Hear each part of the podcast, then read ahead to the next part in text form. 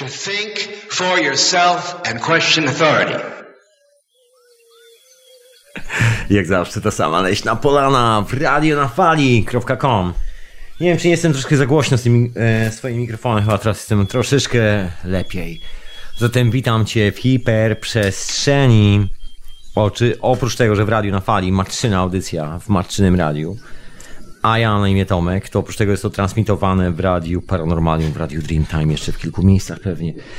A ja przy okazji przypominam, że, co chciałem przypomnieć, e, że można sobie ściągać archiwalne odcinki, te, które są z przeszłości, z tej krainy, która nigdy nie istnieje, e, z wczoraj. Są na Paranormalium. Tu wielkie podziękowania dla Iweliosa za, pi- po, e, za pilnowanie tego, żeby w ogóle było to możliwe do ściągnięcia i wielkie podziękowania dla Grzegorza za wrzucenie wszelkich pozostałych rzeczy z Radia na Fali, które z powodu pewnych drobnych perturbacji z serwerem nie mogą być wrzucone aktualnie na żywo. Także dzięki Panie Grzegorzu i dziękuję Panie Iwelio- Iweliosie. Pisano w Panowie, wielkie podziękowania. No i przede wszystkim wielkie podziękowania dla mecenasów Radia na Fali, mecenasko, mecenasie. Kłaniam się w pas, aż po same kolana. I dziękuję bardzo za wsparcie. Słuchaczko i słuchaczu, on i offline, czyli na żywca i na truposza. Pozdrawiam serdecznie. Jeżeli gdzieś tam słuchasz na truposza, czyli offline, gdzieś w samochodzie albo gdzieś, coś, jakoś tak. Mam nadzieję, że miło się bierze zakręty z takim piskiem opon przy słuchaniu tej audycji. Bardzo dobrze i bardzo dobrze. Ja sobie puknę w stół jak Führer. Prawie, że jak każdy dyktator. Mussolini też tak pukał w stół. E, żartuję, żartuję. Nie, jestem wcale taki dykte, dyktatorski dzisiaj. Wręcz odwrotnie, będę antydyktatorski jak zwykle. Chociaż kto wie, czy to nie jest przypadkiem moje lustro. Anyway. Ty słuchasz hiperprzestrzeni, ja jestem przy mikrofonie, sobotni wieczór, yy, w radiu na fali. Możesz śmiało dzwonić, Skype do radia to radionafali.com, także wszystko jest na żywca, teraz, tu i teraz. Co jeszcze chciałem powiedzieć, yy, że jest czat Radia na Fali, pozdrawiam wszystkich na czacie Radia na Fali. Obecnych czatowników, ja tam się wcześniej zamanifestowałem. Ba, ba. Pojawiłem niczym e, upiór. Dla niektórych oczywiście. No właśnie. Co ja dzisiaj będę opowiadał? Czy będzie upiornie? Nie, nie będzie upiornie. Absolutnie nie będzie upiornie. Będzie, chociaż będzie troszkę upiornie. I don't know. Się okaże. Granica strachu, człowieku. Tak sobie wymyśliłem dzisiaj. Granica strachu to jest y, nasza granica postrzegania. Taka jest moja koncepcja na dzisiaj. Ja to mam takie rozmowy, wiesz. A że jest przy sobocie, po robocie, to troszeczkę mogę se o, właśnie wyrzucić trochę refleksji z tygodnia. Żadne jakieś tam właśnie specjalne wielkie opowieści, ale taka właśnie refleksja taka na dziś, z dziś, dziś. A że jest za chwilę koniec wakacji, czy jakoś tak. Tak w sam raz. Gorące lato. U mnie pada za oknem. Ale mniejsza o to. Za chwilę wyrwę się na gorąco do tematu. Mam tu przygotowaną playlistę dźwięków różnych.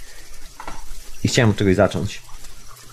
I może ja po prostu zacznę od takiego starocia. On u księcia Edwarda często leci. Ja pozdrawiam księcia, on tu się niedługo pojawi. Bo jest powrotem z Brazylii, znaczy z Brazylii dokładnie. Obrigado książę, obrigado. Jedyne słowo, które znam po portugalsku. Może znam więcej, ale sobie nie przypominam. Razie książę się tu pojawi. Być może, być może opowie mi kilka ciekawych historii. Zapewne tobie opowie kilka ciekawych historii, mi też, tak czy siak. On to wszystko nagrywa tam na bieżąco. Chodzi i nagrywa, chodzi i nagrywa i notuje refleksje z olimpiady. I bardzo dobrze, niech ktoś montuje te refleksje z olimpiady, niech one tam będą. I to ma pewien sens dokumentalny. Nie tylko, bo oczami księcia Edwarda możemy też zagościć w kraju zwanym Brazyleją. Brazylią, ale sobie tak lubię poprzekręcać. Miało być wakacyjnie, ale jak się okazało, książę, jak ostatnio mówił, jest mało wakacyjnie, ma dużo roboty. Ale zobaczymy, co będzie opowiadał, jak wróci. Tak czy siak, jak przypominam, że nie tylko hiperprzestrzeń w radiu na fali, to że archiwum jest troszeczkę unieruchomione, to nie znaczy, że tylko w sobotę i tylko hiperprzestrzeń jest też etykieta zastępcza księcia Edwarda, jest też oczywiście teoria chaosu. Są rzeczy w archiwum, czas snu i nie tylko. Śmiało, czyku, zaglądaj i sprawdzaj. I jest oczywiście synteza w czwartek, właśnie, są wieczorowe pory. Także bądź na bieżąco. Się niewiele zmieniło, poza tym, że oczywiście nie mamy na bieżąco uzupełnionego archiwum. Właśnie, a propos, a propos granicy strachu, wydaje mi się, i takie mam podejście do tego. Oczywiście nie musisz się z tym absolutnie zgadzać, to jest moja indywidualna historia. Zresztą chyba jasne, co ci tu opowiadam, przecież Nie mówię za miliony. Jestem tu jeden. Jak się oglądam do tyłu, to nie mam nikogo za plecami. Zatem nie dziw się, że, że tylko ja do ciebie nim, e, tutaj mówię. Ja po przesuwania tej bariery strachu, to mam jedną taką refleksję związaną z substancjami, bo dzisiaj mniej więcej dotknę tego tematu, przynajmniej taki mam pomysł. A mianowicie chodzi o substancje psychoaktywne. I mam takie podejrzenie, że jest coś takiego jak granica strachu w naszym życiu. I substancje, które ja nazywam medycyną, usuwają z nas tą granicę. I to jest ta granica, która odpowiada za strach, czy po niektórych egzemplarzy tego gatunku, którego ja jestem przedstawicielem na tej planecie, za niechęć do takich substancji. I to, że prawo jest tak skonstruowane, i to, że jest wiele rzeczy dookoła, które niczym Nancy Reagan w latach 80., kiedy Ronald Reagan udawał, że walczy o polską demokrację, mordując tysiące ludzi w Ameryce Południowej i nie tylko, mówiła just say no to drugs. Powiedz tylko nie narkotykom. Także ja dzisiaj się przejąłem słowami Nancy Reagan i dokładnie w tym kontekście o granicy strachu chciałem troszkę opowiedzieć dzisiaj. O umieraniu, o śmierci. o tym, czym to w ogóle jest. Czy jest coś takiego? Bo jest coś takiego jak granica postrzegania i to jest e, moim zdaniem granica naszego strachu. I zaczyna się tak niewinnie, zaczyna się jointa. Ja specjalnie na tą okazję sobie też przygotowałem tej jointa. A co? Tymczasem wracam do swojego tematu, do granicy strachu, granicy postrzegania. No właśnie, bo mi się wydaje, że jest to strach przez substancją. Charakterystyczna rzecz związana ze strachem przez substancją to nie jest kwestia związana z substancjami, czyli z tym, e, czego używamy. Bo wiadomo, że dzisiejsza cywilizacja jest cała powalona na kolana dopalaczami dodawanymi do żarcia, dopalaczami dodawanymi właściwie chyba wszędzie w medycynie. Że alkohol to jest taki dopalacz, jeszcze gdyby był zrobiony naturalnie, z reguły są jakieś dziwne dopalacze właśnie. Wszystko jest e, na dopalaczach.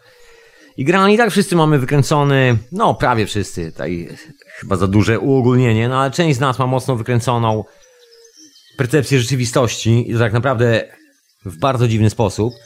Tak czy siak. Sedno jest takie, że każdy z nas doświadcza pewnego ekstremum. Oczywiście na swoją własną skalę. Nie chcę tu porównać skali, czy twoja jest większa, czy moja mniejsza, ale każdy z nas doświadcza pewnego ekstremum. Jest to część naszego doświadczenia życiowego, standardowy numer. Właściwie po to chyba tu jesteśmy. No i pojawia się zjawisko selektywnego, właśnie takiego selektywnego oceniania, jakie doświadczenie jest dobre, jakie doświadczenie jest złe, które jest za daleko, które jest ok, które nie jest ok. I to jest taka ciekawa historia, bo ta gradacja doświadczeń, tak sobie nazywam na potrzeby audycji, czyli ocenianie, jaka medycyna jest ok, jaka nie jest ok, która droga jest ok, a która nie jest ok. Takie coś, takie podejście taka gradacja doświadczeń, czyli ocenianie, no to jest zaprzeczenie chyba całej intencji związanej z, z medycyną, w ogóle ze zrozumieniem siebie w całym świecie, w całym kosmosie. Że jest się tak zwaną, być może dla niektórych trywialnie brzmiącą, jednością z całym kosmosem i nie chce być inaczej. I oczywiście wiele osób, wiele opowiada niesamowite historii o jedności, o braterstwie, o wielu różnych historiach. Bardzo niesamowite oczywiście swoją drogą. I oczywiście bardzo szlachetne, pełne dużych słów, ale na końcu dochodzi do czegoś takiego jak taka walidacja, weryfikacja z rzeczywistością. Czy przypadkiem ten człowiek ma takie pełne doświadczenie, przynajmniej to jest taka moja opinia, czy to jest pełne doświadczenie, czy to jest jakaś ściema. Czasami tak mi się wydaje. Oczywiście niewiele to oznacza, poza tym, że sobie tak zwyczajnie wymyśliłem, także nie przykładę do tego jakiejś wielkiej wagi. Nie zawsze i nie w każdej sytuacji tak patrzę na sprawę, czasami są zupełnie inne czynniki, także spokojnie. Nie jest to jedna elementarna zasada. Mówię o konkretnych przypadkach, konkretnym przypadku, albo jakoś tak. Ale jest to dobra ilustracja tego, o czym chcę powiedzieć. Mianowicie jest coś takiego jak grupa użytkowników tej e, medycyny, która aktualnie jest dostępna, legalnie lub nielegalnie, no mniejsza o to, która, która bardzo lubi stopniować całą tą historię. Tak się wydarzyło. I najczęściej są to tacy użytkownicy, którzy zrobili to może raz, może dwa, tak bardzo wiesz, na samym początku. I w tym momencie jest, no nie wiem, czasami w niektórych z nas taka potrzeba, żeby już zostać ekspertem albo coś w tym stylu. Nie mam tego pojęcia. Generalnie zaczyna się czasami taka zabawa, że okej, okay, ta medycyna jest okej, okay, inna medycyna nie jest okej. Okay. Zaczyna się już taki, wiesz, wybór drogi, takie definitywne stwierdzenia, definitywne refleksje, definitywne oceny. A ja sobie myślę, że na to właśnie w ogóle nie powinno być e, żadnej przestrzeni na takie oceny po takim doświadczeniu. To znaczy, coś jest jeszcze nie tak. Bo wydaje mi się, że jest tylko jedna granica, którą mamy do przekroczenia, żeby zrozumieć w ogóle, na, w ogóle na czym polega rzeczywistość, na czym polega nasze własne życie. Reszta to, to już jest indywidualna rozprawka ze samym sobą, tego jak to żyje i w jaki sposób chce, chce żyć i w jaki sposób żył sobie do tej pory i w jaki sposób mu wygodnie. To już zostawiam indywidualnie każdemu z nas. Ale jest jedna rzecz, która jest wspólna, tożsama, dotyczy każdego z nas, czyli ta granica strachu przed opuszczeniem tej percepcji rzeczywistości, którą nazywamy tym życiem, czyli taka granica strachu przed śmiercią, przed granicą naszego postrzegania. Bo właściwie czymże jest śmierć? Od wieków opisywana jako granica postrzegania świata. Zawsze było opisywane, że tam jest w ogóle inny świat, drugi świat, po drugiej stronie Hadesu. Trzeba łódką przepłynąć facet z głową szakala na zwiezie, tak niektórzy w Egipcie twierdzili.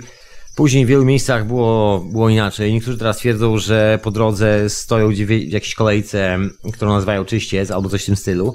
Różne są opowieści. Niektórzy twierdzą, że właśnie, no właśnie, właściwie cokolwiek sobie wymyślisz jest no właśnie. Otóż to, cokolwiek sobie nie wymyślisz tutaj. Jest kilka relacji, takich relacji, tak to można nazwać. Kilku ludzi, którzy stwierdzili, przeżyłem własną śmierć, opowiem wam, co widziałem, kiedy stamtąd wróciłem. No i oczywiście grupa dookoła tych ludzi, wyznawców, bo niektórzy z nich napisali książki i oczywiście automatycznie stworzyły się grupy wyznające ich jako wiarę i mówiące wow, to jest dokładnie tak, jak ten koleś mówi. Zapominając o tym, że na świecie takich przypadków ludzi, którzy na chwilę stracili kontakt z tą rzeczywistością i wrócili tu z powrotem, jest stosunkowo sporo. Sam należę do tej sporej grupy ludzi i podejrzewam, że ty też, też na, możesz należeć do tej stosunkowo sporej grupy ludzi. Czasami jest to wypadek, czasami jest to medycyna, czasami są to różne rzeczy naraz. Różnie bywa. To mniejsze o to, tak czy siak, jest to pewne doświadczenie, cokolwiek by nie mówić. Doświadczenie, które polega na tym, że przechodzimy pewną granicę. Ty i ja, jeżeli ją e, przeszłaś, albo ty, kolego, jeżeli ją przekroczyłeś. Tak samo, jeżeli ja ją przekroczyłem. To jeżeli ją przekroczyliśmy, to przekroczyliśmy granicę strachu. Jeżeli mieliśmy doświadczenie, że umieramy, to przekroczyliśmy najważniejszą granicę. Granicę percepcji nas w naszym ciele czyli właściwie granice percepcji całego świata, który tu postrzegamy, co tu dużo mówić.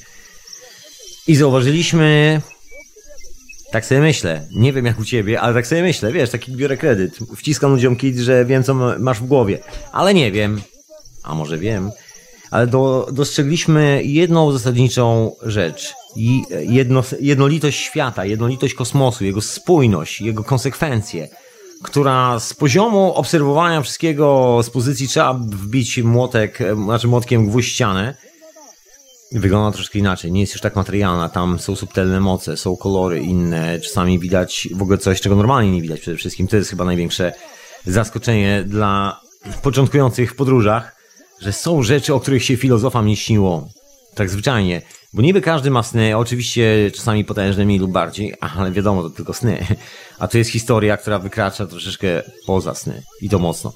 W każdym razie jest to takie doświadczenie, które przyciera nas, przynajmniej jeżeli ciebie przydarło, i ja tu mogę tylko powiedzieć o kilku moich przyjaciołach, jeżeli mówię o nas, y, bo ja myślę, że bez problemu by ci powtórzyli to samo. Powtarzają mi to nie raz, nie dwa, że przetarło to pewną granicę strachu, lęku przed śmiercią że po takim doświadczeniu masz inną percepcję tego, czym jest życie, czym jest śmierć. I to w takim konkretnym wymiarze. Porzucasz pewne czynniki zewnętrzne, znaczy, aż to brzmi, porzucasz czynniki zewnętrzne. Porzucasz pewne przywiązania, pewne maniery, pewne reguły. Przedmioty przede wszystkim się zmieniają dookoła, jest ich coraz mniej. No dzieje się dużo takich spraw, o których człowiek sam siebie często nie podejrzewa. I są to takie długie procesy. To nie trwa nigdy, nie wiem, dwóch, trzech dni, to z reguły trwa czasami pół roku, czasami dwa miesiące, czasami pięć lat, czasami dwadzieścia lat. Różnie. Się ciągnie. Jak to lubi, jak to chce. Każdy sobie wybiera swoją własną drogę. W każdym razie jest to takie wycieranie się, że tak powiem, na tej granicy strachu ze śmiercią, takie dosyć konkretne, na tyle, że właściwie ja sobie myślę, że człowiek dzięki temu nie siwieje. I że troszeczkę normalnie reaguje na przestrzeń dookoła, przez co sam tworzy troszeczkę inną rzeczywistość dookoła siebie, przez co, przez co i ludzie inni, świat troszkę inny, a przez to wszystko jeszcze raz się powtórzę, inna perspektywa, inne rozwiązania, bo ta perspektywa to jest inne widzenie świata, a inne widzenie to znaczy jest możliwość widzenia, że na przykład można podjąć inną decyzję. Kiedy podejmujesz inną decyzję, bo widzisz, że coś tam jest, a wszyscy to przegapiają, no w cudzysłowie wszyscy, ale część to przegapia, to może się okazać, że akurat jesteś tą jedną osobą, która podjęła tą jedną właściwą decyzję i stanęła we właściwym miejscu, we właściwym momencie, we, we, we właściwym czasie. Tylko do tego, że właśnie te subtelne moce tak delikatnie cię tam ustawiły, dlatego że się nie bałaś i ty też się nie bałeś lęku przed śmiercią. A innych z kolei, którzy się kręcili dookoła, strasznie motywowało to, żeby sobie teraz tak poskładać, żeby nigdy nie umrzeć, żeby kurde się zabezpieczyć na lekarza, na doktora, na przyszłość, na zdrowe dzieci, na miliony na koncie w przyszłości, I don't know, na dom z basenem, czy dom z basenem, cokolwiek. Wiesz, zabezpieczyć się, bo śmierć nadejdzie, bo jest strach przed śmiercią, co się stanie jak odejdę, świat zwariuje beze mnie, rozumiesz? A ty przekroczyłeś tą granicę i w tym momencie nie ma czegoś takiego. Wielu z nas twierdzi, że się nie boi, ale myślę, że jest, jest pewien po, poziom weryfikacji, który tak czy siak każdy ma ze sobą. To nie jest tak, że ja ci powiem, czy się boisz, czy nie boisz, bo to nie jest moja sprawa. To naprawdę nie jest mój biznes mówić tobie, co ty masz albo co ty możesz. Człowieku, to wszystko należy do ciebie, to jest twoje życie. Ale ci powiem, jak ja to widzę. Widzę to tak, że jeżeli się obijasz z łapaniem takiego doświadczenia w życiu, powaga, jeżeli się obijasz i mówisz, a, bo wiesz, bo ja praktykuję inne coś, coś tam, coś tam, to może być tak,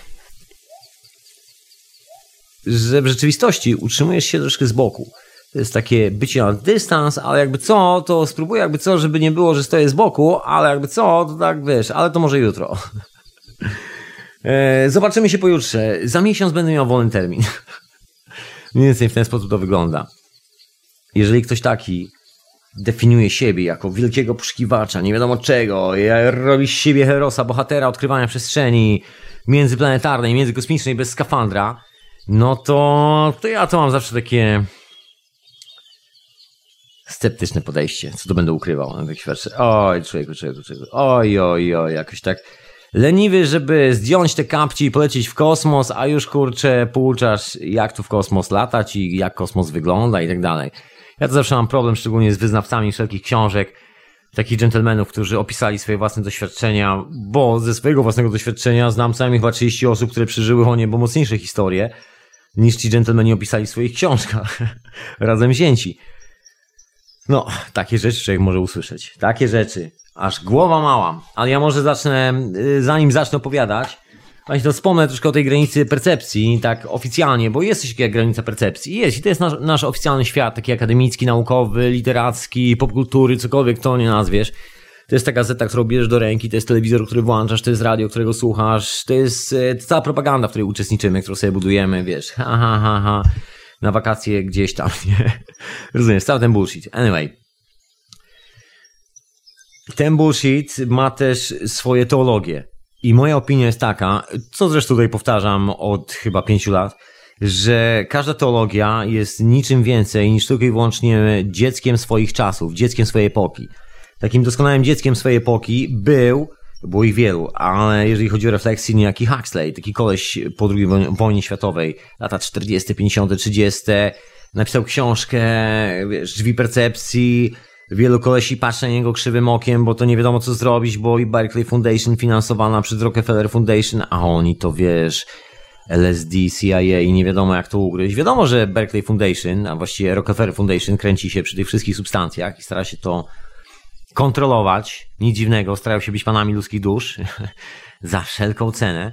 Ta rodzina Rockefellerów. No, są takie rodziny Rothschildów, Rockefellerów szaleńcy, szaleńcy, skupieni na właśnie na tym, żeby zatrzymać się, się po prostu w tym materialnym życiu, bo się boją tej granicy strachu, granicy strachu, granicy postrzegania, że przypadkiem coś się wymknie poza samo posiadanie materii. I to ich przeraża strasznie, że kiedyś umrą, odejdą i że nic po sobie nie zostawią. Dlatego są tacy obsesyjni na punkcie tworzenia jakiegoś nowego, dziwnego świata. Huxley jest podejrzewany o to, że był ich wspólnikiem przez wielu ludzi, ale to już zostawmy, bo to już naprawdę takie szalone dywagacje. Mniej lub bardziej, nawet jeżeli miałoby to sens ręce i nogi, to i tak nie miałoby to już żadnego znaczenia w dzisiejszych czasach. Koncepcje, które opisał, nie są niczym innym, jak tylko i wyłącznie obserwacją rzeczywistości, takim dziennikarstwem, bardzo wnikliwym zresztą moim zdaniem, rzeczy, które działy się już w latach 50. i nie były akceptowalne w sensie nazewnictwa, to, że ktoś widział taką sytuację, to wcale nie nazywał tego obozem koncentracyjnym pracy przymusowej, tylko nazywał to na przykład korporacją, która osiąga sukces finansowy. To było po prostu inne nazewnictwo, inna nomenklatura. Dopiero nas tak szarpnęło w ostatnich latach, że tak nagle, wow, co tu się dzieje? I niektórzy stwierdzili, tak, tak, Huxley to przewidział. Nie, on tego nie przewidział, on współpracował z nimi, on to wymyślał. Ja myślę, że on to po prostu zaobserwował, bo wszystkie pomysły na dzisiejszą rzeczywistość nie są niczym nowym. Są starymi pomysłami propagandowymi z czasów jeszcze III Rzeszy i nie tylko. Jesteśmy tylko teraz, że tak powiem, w nowszej edycji tego tej samej opowieści. Ten sam telefon, ta sama nazwa, ale nowszy model, odblokowanych kilka funkcji na chipie i kilka procesów zachodzi szybciej. Także zamiast na przykład czytać ulotki rozklejone wszędzie na płotach w twoim mieście, że twoim nowym prezydentem powinien być Adolf Hitler, że albo Obama, albo ktoś taki, to widzisz e, te plakaty kandydackie, tudzież taką nagonkę na to, że wiesz, to jest racjonalna opcja, może powinniśmy pójść w tą stronę, to brzmi ciekawie. Taką nagonkę pozytywną stronę widzisz w e, internecie, tylko taka różnica, że zamiast kartki papieru masz na swoim ekranie. Trafia bezpośrednio twoje serce. Uch! No i to jest ten cały świat taki, wiesz, propagandy i nas ostatnio wzięło tak no, ostatnimi laty, że zauważyliśmy, że nagle jest taki świat, ale przecież on istnieje, istnieje, czym była druga wojna światowa, czym była pierwsza wojna światowa. My się tylko tak budzimy troszkę z tego snu i tak wow, znaczy tak mówię za, wiesz, wielu się budzimy. No ale myślę, że ty się budzisz, ja się budzę, wielu ludzi na świecie się budzi. A niektórzy nie muszą się wcale budzić, bo w sumie no nie jest to nic nowego. No jest to historia, w którą nas sprasowano dawno, dawno temu. W każdym razie, wracając do Huxleya, miał kilka ciekawych refleksji, niezależnie od tego, kto nas to prasował, jak to wyglądało na początku. Ja bym Huxleya o to nie podejrzewał. Są inni ludzie, którzy wali kasy i wszystko, co tylko można było zrobić, żeby tak zapędzić świat w kilku jego miejscach w taki zaułek.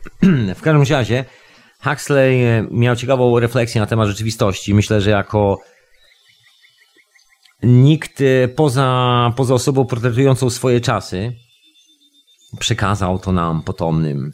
A mianowicie koncept, że rzeczywistość limitowana, czyli to, co postrzegamy na co dzień, bez żadnych wizji, bez niczego, wiesz, taka normalna rzeczywistość w gazecie, w telewizji, to, co widzisz na ulicy, model samochodu sąsiada i tak dalej, to jest, to jest bezpieczna rzeczywistość.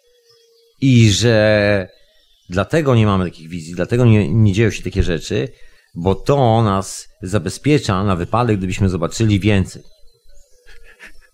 No i tu zachodzi pytanie, ty, co oznacza w ogóle, kto tu jest bezpieczny? O jakim bezpieczeństwie jest tu mowa? Znaczy, co? Huxley bał się, że troszeczkę nie załapie o co chodzi, a Huxley, że było zabawnie, ostatnio wyszedł list jego żony, która napisała, że kiedy umierał, poprosił o dwie działki LSD, bo odchodząc z tego świata chciał odejść na tripie. Nie mówi się o, o tym zbyt popularnie, ale taka jest prawda. Szczęśliwie pod koniec, myślę, miał ciekawe zejście, miłą imprezę i zrozumiał, że to tylko granica strachu i że właściwie co najwyżej żegna ten świat, być może nigdy tu nie wróci, a może kiedykolwiek tu wróci i powędruje sobie gdzieś w kosmos, albo nie wiadomo gdzie. W każdym razie nic się nie kończy. Niektóre rzeczy właściwie nawet się nie zaczynają, tylko wraca świadomość, może wraca pamięć, może gdzieś wracamy, może jest w drugą stronę. Właściwie to nawet nie jest istotne z tego punktu widzenia, w którym jesteśmy dzisiaj, tu i teraz, bo i tak jesteśmy tu i teraz. I jedyne o co chodzi, to o coś, co może nas blokować przed odkrywaniem nowego świata, tego rzeczywistego świata, z tymi wszystkimi wizjami, dziwnymi historiami, co poza niektórych jeszcze dziwnymi, zupełnie innym podejściem do rzeczywistości, technologii, świata, siebie itd., tak itd. To jest ta granica strachu, która nas przy, trzyma przed y, zrobieniem takiego mocnego, odważnego kroku do przodu, żeby chociażby dać sobie, nie wiem, energię, która nie spowoduje, że zatrujemy sobie wszelkie ujęcia wody. Takie proste sprawy, żeby nie być wariatem, który odpiłowuje gałąź, na której siedzi, a że siedzi wysoko na drzewie, to wiadomo, że się połamie, jak, jak spadnie drzewa, z drzewa. Także chodzi o to, żeby nie być tym zaprzeczeniem tej tak często i popularnie deklarowanej jedności ze światem, ale tak konsekwentnie. Bo tu w ogóle wchodzą różne tematy. To wchodzi i medycyna, i technologia, i w ogóle przede wszystkim myślę technologia, bo jest to taki może trochę niedotykany temat zbyt ogólnie przez wielu ludzi, bo też to, co dzisiaj funkcjonuje pod nazwą technologia, jest właściwie kompletnie odhumanizowane. To ciężko się w ogóle za to momentami złapać i ciężko nie uciekać w drugą stronę. Ale wracając do tematu e, tej hiperprzestrzeni, czyli do tych granic strachu, właściwie do jednej granicy, bo ja sobie myślę, że jest tylko jedna granica i to jest granica właśnie tego postrzegania. Wspomniałem o technologii, że jest to taki doskonały objaw tego, w jakim momencie jesteśmy. Znaczy, myślę, że wszyscy doskonale to wiemy. Myślę, że doskonały przykład, tak czy jak związany z percepcją. Ponieważ nasza percepcja jest związana z kwestią wybuchowości i po prostu mamy pewne, no nie będę wnikał w detale, pewne pomysły na to, skąd się bierze na przykład jedzenie, skąd się bierze coś tam, skąd się w ogóle biorą rzeczy, które są nam potrzebne i skąd się bierze to, że to właśnie jest nam potrzebne. Cały w ogóle pomysł, dlaczego właśnie tak, a nie inaczej. Dosłownie. Dlaczego wszystko jest tak, a nie inaczej. To wynika troszkę z akceptacji, moim zdaniem, takiej akceptacji po prostu tego, co, nie wiem, zastaliśmy i tak dalej, i tak dalej. A ta granica to jest, jak się okazuje, taka dogmatyczna historia i taka dogmatyczna sprawa, bo strach przed tą śmiercią, przed tym, że coś się zmieni, coś się naprawdę wywróci, coś nigdy nie wróci tutaj na taki na oryginalne miejsce, można powiedzieć. To jest tylko i wyłącznie problem z akceptacją e, ciągłości własnych działań w naszym życiu. Tak mi się wydaje. Czyli dlatego, że mamy problem, że, że są konsekwencje, że to nie jest tak, że coś zrobisz i to w ogóle znika, że nagle po paru latach może się okazać, że właśnie to, co robisz w tym momencie, nagle będzie ci niezbędne albo się przyda do czegoś, to będzie najbardziej kuriozalne wydarzenie w twoim własnym życiu. Na pewno ci się to wydarzyło nie raz, nie dwa, że nie spodziewałaś się, ani ty też chłopaku się nie spodziewałeś, że coś, coś, co kiedyś się nauczyłeś robić zupełny, jakiś wariacki sposób, przez zupełny przypadek, nagle okaże się czymś, co kurczę, przydało się w takim momencie i to w ogóle tak się bardzo przydało, że to w ogóle no, ciężko tutaj cokolwiek w ogóle przycenić nawet. Bo tak się przydało, mocno się przydało tym wszystkim. No i z tej okazji, że się tak przydało, można zauważyć, że właściwie ten pomysł na to, że to było na przykład bez sensu albo coś takiego, czyli to wrażenie, że właściwie robimy coś, co, czego nie powinniśmy robić. Nie, nie, to jest w ogóle pomyłka. Wszystko było na właściwym miejscu, wszystko się działo we właściwym czasie. I w tym momencie, kiedy mieliśmy, kiedy mieliśmy czas na to, żeby się nauczyć tej jednej rzeczy, która na przykład pozwoli nam e, załatwić wszystkie sprawy we właściwy sposób za parę lat, albo coś w ten sposób. To jest to jest coś, co czasami zastanawia bardzo wielu ludzi, jak to jest możliwe. I kiedy widzą fragment tej ciągłości, tej synchroniczności, czy to w snach, czy gdziekolwiek indziej, nagle są tacy zaskoczeni, że jejku, jak to możliwe? Przecież to są cuda, przecież to niemożliwe, żeby nauka potwierdzała istnienie takich historii, że to się dzieje. I zawsze zaskakuje to, że takie rzeczy się dzieją. Mi się zawsze wydaje, że oni sobie zwyczajnie nie zdają sprawy z tego, że że to jest natura życia, że to jest właśnie esencja. Oni żyją w takim pomyśle technologicznym, ale takiej współczesnej technologii, który opiera się na tym, że wiesz, jeżeli nie jest to związane z akceptacją takich dogmatów, pomysłów sprzed, nie wiem, 300, 100 lat, albo nie wiadomo z kiedy, pomysłów, które były tylko i wyłącznie ilustracjami własnej epoki, ilustracją epoki, gdzie budowano elektrownie jądrowe, po to, żeby wybudować jeszcze więcej bomb atomowych, gdzie budowano fabryki broni, gdzie były takie pomysły, że jak jeden odstrzeli głowę drugiemu, to na pewno na świecie będzie lepiej.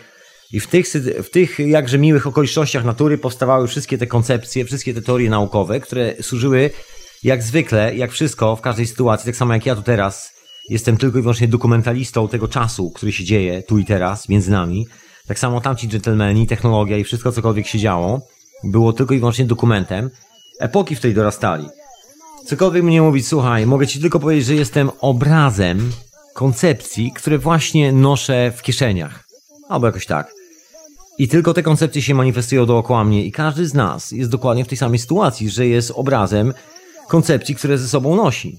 I to jest jego świat, który się manifestuje. I teraz, jeżeli ktoś sobie, sobie zakłada, że inaczej się nie da, że to jest jedyna droga, to normalne jest to, że nie zobaczy innej drogi. Jeżeli ktoś sobie zakłada, okej, okay, dobra, poszukam innej, to to jest już pierwszy punkt wyjścia, żeby sprawdzić, czy może jest parę dróg, a może, a może kiedy się okaże, że jest parę dróg, to się okaże, że właściwie jest e, też w sumie jedna droga, tak jak było wcześniej na początku, tylko że ta jedna droga jest na przykład w drugą stronę i że jest to takie bardzo radykalne przesunięcie w drugą stronę. Bo oczywiście jest pewien koncept, który mówi, że dróg jest wiele, który myślę wszyscy doskonale znamy. Jest to taki, no, trywialny można powiedzieć pomysł. Dróg jest wiele. Co to oznacza? No nic nie oznacza. Oznacza tyle, że możesz pójść w każdą dowolną stronę. Czy to ma jakiś sens? Na pewno jakiś ma, ale poza tym, że pójdziesz dowolną stronę, nie ma żadnego. Natomiast za tym wszystkim czai się jeszcze pewien ogólny koncept, który związany z tą granicą strachu, granicą postrzegania. Się okazuje, że nasze postrzeganie wykracza śmiało i zdecydowanie poza granicę percepcji rzeczywistości, tej tutaj fizycznej. Umieramy, czasami wracamy, się okazuje, że cały czas byliśmy obecni, cały czas słyszeliśmy, co ludzie mówią dookoła, przelatywaliśmy przez kosmosy, przelatujemy przez te kosmosy, wracamy z tych kosmosów, dzieją się różne dziwne rzeczy, ale nigdy nie tracimy swojej własnej świadomości. Czasami na chwilę zapomnimy, jak się nazywaliśmy na Ziemi, ale po chwili sobie przypominamy. I nagle się okazuje, że Ziemia to nie jest jedyne miejsce, albo jakoś tak. I że to nasze życie na Ziemi nie jest jedynym miejscem i jedną sytuacją, która się nam w ogóle do tej pory w naszym istnieniu wydarzyła, że być może, nie wiem, czujemy, że, że są o wiele głębsze historie, z których pochodzimy, niż tylko te związane z naszą planetą. Cokolwiek, słuchaj, opcji może być wiele. Nie chcę tu zajmować się rozpatrywaniem tych opcji, bo nie moja w tym głowa. Generalnie chodzi tylko i wyłącznie o tą świadomość, że to jest tylko część tej całej opowieści i zaakceptowanie tego, że pewne sprawy, że właściwie nie ma żadnej innej sprawy, tak pewne sprawy, że wszystko jest kontynuacją tego, co się dzieje cały czas, na bieżąco.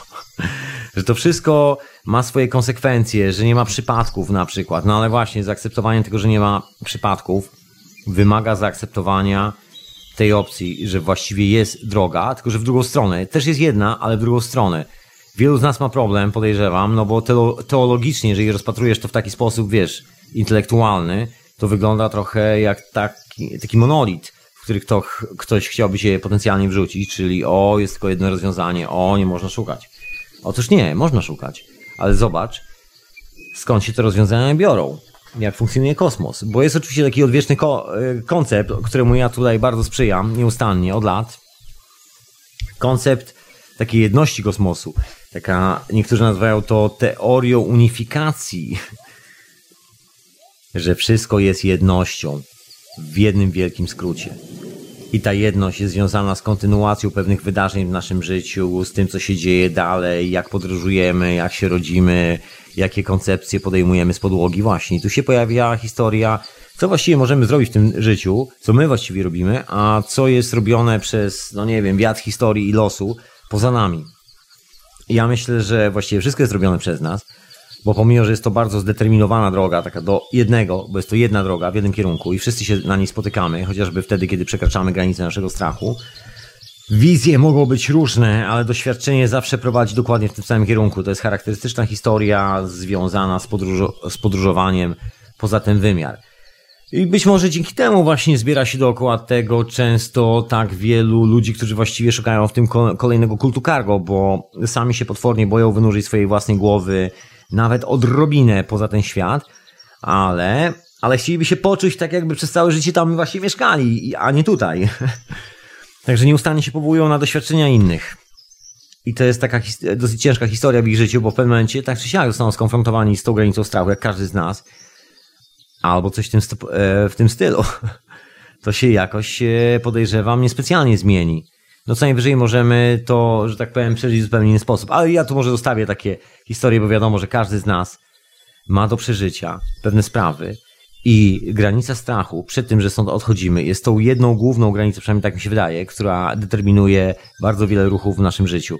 To właśnie nasze nieustanne zbieractwo, które powoduje, że przedmioty stają się ważniejsze od żywych istot i nie zdajemy sobie w tym momencie sprawy z tego, że udając się na dalszą część podróży, zostawiając to zbieractwo, bo w pewnym momencie przychodzi ten moment, że zostawiamy zbieractwo, podróżujemy sobie dalej, to na swojej drodze spotykamy żywe istoty, a nie swoje zbieractwo. Czyli generalnie inwestowanie, zbieractwo jest strefnym numerem, bo lepiej inwestować w żywe istoty, jeżeli ktoś chce potraktować życie na zasadzie inwestycji.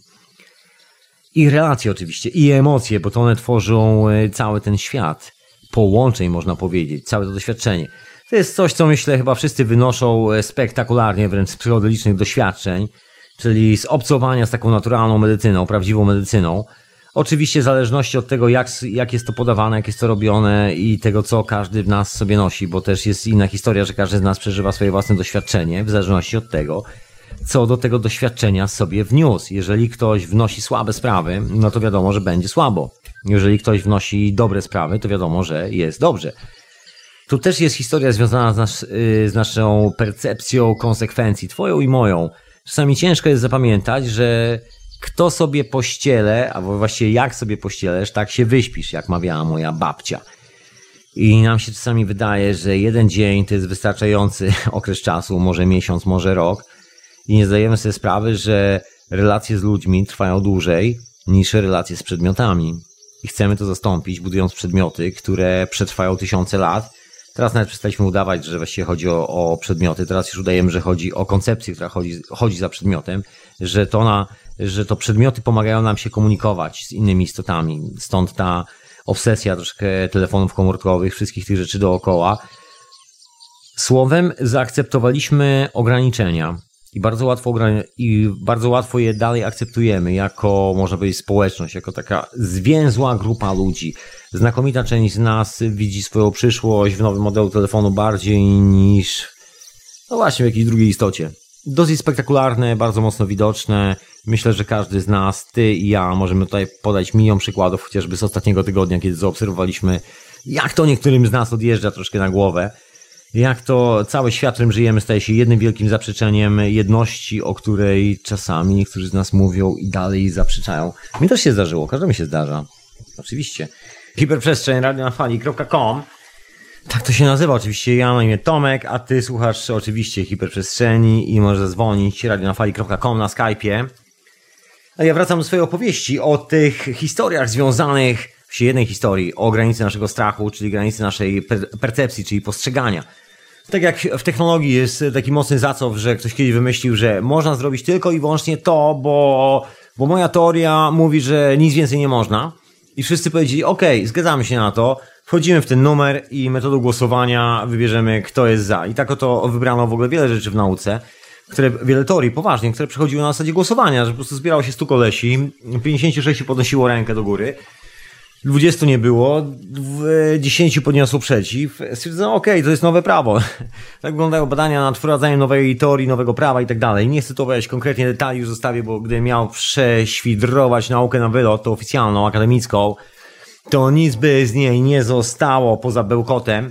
No ale generalnie ten bełkot definiuje nasze podejście do technologii, bo właściwie z nauki zrobiono religię i ona mówi, ok, to jest możliwe, a to nie jest możliwe, a to jest kosmos, a to już nie jest kosmos, to jest w ogóle science fiction, a to jest, słuchaj, to jest zaawansowana technologia amerykańskiej, właśnie, bla, bla, bla, bla, bla, bla. W to możesz wierzyć. Ale to dopiero możesz w to uwierzyć za 300 lat, kiedy rozwiniemy tą technologię do momentu, kiedy będziesz mógł z niej skorzystać. Na razie tylko w laboratorium i do testów wojskowych. I to jest świat, który nam się sprzedaje i mówimy, okej, okay, mm -hmm, zgadzamy się na to. I jest taki koleś, który wychodzi i mówi z grupą kolesi, przytnę ci kolesiu kaskę, przytnę ci wszystko, w ogóle wtrącę cię w taką zabawę, że ci naprawdę słabo się zrobi, a my mówimy, okej, okay, zgadzamy się na to i wybieramy rząd w wyborach. Rozumiesz? To jest nasza percepcja, twoja i moja. Albo się na to zgadzasz, albo masz to w dupie. I tu jest jasna sprawa. Właściwie cała ta granica strachu sprowadza się tylko i wyłącznie do strachu przed poważną decyzją, taką chyba najważniejszą w życiu. Okej, okay, albo dowiem się, jak jest z drugiej strony, dowiem się, gdzie są punkty wspólne, gdzie sprawy się przenikają i co od czego zależy, jakie są korelacje pomiędzy światem, w którym funkcjonuję teraz, a światem, z którego przychodzę i do którego wrócę pewnego dnia. I albo po prostu zobaczę to na własne oczy, albo będę ściemniał tutaj, wiesz, książek się naczytam, wiesz, warsztaty ludziom zrobię z 300 punktów, Rozumiesz, wszystkie te ściemniackie historie związane z zbieraniem banknotów y, z nadrukiem czyjejś twarzy. Klasyczny numer, albo te plastikowe karty. znana historia, znana historia. Alex Huxley, on wierzył w, ta, w takie historie, on wierzył w to, że, że to jest niebezpieczne, że gdyby człowiek dowiedział się wszystkiego, to zwariowałby, bo on był na etapie zwariowania i kiedy schodził z tego świata, zażyczył sobie dwa papiery. Nie chcę, że tak powiem, obrażać Alexa Huxleya, absolutnie, bo naprawdę napisał książkę zjawiskową. Drzwi percepcji była książką, która stała się w ogóle manifestem epoki. Poważnie, to książka, która wyorała kompletnie wszystkich. Tytuł brzmi e, Drzwi percepcji. To nie jest tytuł Huxleya, to się wzięło z pewnego poematu. Ale to może zostawię. Ten sam autor, co Właśnie, co w przypadku The Doors, znaczy nie Jim Morrison, tylko Bacon, Francis Bacon zdaje się. Czy jakoś tak ten, który napisał drzwi percepcji, jaki wierszyk, czy coś w tym stylu. No mniejsza o to, zostawię te literackie poszukiwania. Nie jestem w tym dobry. Nie pamiętam. Nie pamiętam. Nic nie pamiętam. Pamięć mi uciekła. To przez te jointy. Na pewno. W każdym razie zostawiając tą poezję, e, książka warła takie spustoszenie, że wszyscy rzucili się na substancje psychoaktywne. No i książka też włożyła taki koncept, że dobrze mieć jest limitowaną rzeczywistość, bo jak zobaczysz za dużo, to zwariujesz, tak jak ci powiedziałem. No i gdyby tak się przyjrzeć z dzisiejszego punktu widzenia, człowiekowi, który przed śmiercią brał dwa kwasy, żeby wiesz, mu się łatwiej odchodziło. Nie chcę być brutalny, ale muszę się przyznać, dwójeczka to nie jest jakaś specjalna ilość. Nawet takich, które produkowano dawno temu. Z, z tą ilością LSD na kartoniku. To nie jest aż taka wielka ilość. Ja myślę, że ta jedyna granica to też nie jest ilość e, LSD, którą się przyjmuje, albo jakiejkolwiek substancji medycznej. To też nie jest ta granica. Ja myślę, że ta granica to jest w ogóle dogmatyczna historia w środku naszej głowy. To jest to, czy sobie pozwalamy na zobaczenie tych wszystkich korelacji, które już nie wynikają ze snów, z tych opowieści sennych, takich wiesz, wizyjnych, takich jedną nogą tu, jedną tam. Ja mówię opowieściach, kiedy jesteś dwiema nogami tam albo tu. Zależy jak zdefiniujesz tą i tamtą rzeczywistość. Dla mnie to już jedna. Cokolwiek to oznacza dla ciebie w tym momencie. anyway. Albo, albo chcesz się dowiedzieć i przekraczasz to obiema nogami, tą granicę, albo nie przekraczasz. I tu nie ma chyba, myślę, takiej opcji na skróty. Znaczy jest opcja w połowie, ale zawsze jest opcja w połowie. W połowie zawsze jest przeciąg, nigdy nie wiadomo z której strony wieje, nigdy nie wiadomo do końca co jest co. Zawsze jest dużo pytań, dużo zagadek, co nie znaczy, że po przekroczeniu tej granicy zagadki znikają i pojawiają się same rozwiązania. Częściowo tak, ale nie zawsze. Czasami pojawiają się nowe zagadki. Różnie to wygląda. Nie powiem ci, że zawsze znajdujesz gotowe rozwiązanie. To jest kwestia tego, czego szukasz, jak szukasz, jak żyjesz. Być może na pewno lepiej zrozumiesz, kim nie jesteś. To jest moja opcja, którą powtarzam od lat, że substancje medyczne służą głównie do tego, żeby każdy z nas zrozumiał, kim nie jest. Chociażby po to, żeby nie prowadzić patologicznego życia samym ze sobą. Żeby nie prowadzić e, takiego biegu na kraniec klifu i się rzucać z niego. Nie, nie, nie. Nie stoimy na krańcu klifu w wieczny dzień. Absolutnie. Nie jest to zupełnie potrzebne do życia. Życie jest tu i teraz i, prze, i świadomość innego wymiaru, jak dla mnie, nie jest absolutnie jakimś eskapizmem związanym z tym, że trzeba uciekać, e, że trzeba się, nie wiem, izolować, że że niedobrze jest, że dopiero po śmierci. Nie, nie, to jest dla mnie jakiś e, obłęd wariatów. Dokładnie. Myślę, że tacy wariaci, korzystając z tego dogmatu, wymyślili wiele religii, między innymi tą, która mówi, że raj jest dopiero kiedy umrzesz. kiedy zapłacisz swoje wszystkie podatki, pracując jak niewolnik przez całe życie, a twoje dzieci zostaną, już nawet nie chcę mówić, co zostaną. w każdym razie, dzięki temu, że to pytanie, które sobie myślę i ty i ja zadajemy w życiu nieraz, czy to jest właśnie to, czy to ma taki sens? I teraz konsekwencja tego pytania, czy idziemy po tą odpowiedź, czy nie idziemy, cokolwiek by to oznaczało, czy znajdziemy, czy nie. Tu ważny jest ruch w kierunku odpowiedzi, czyli po prostu ruch. Nie można stać w miejscu i do, e, spodziewać się, że odpowiedź przyjdzie do nas sama.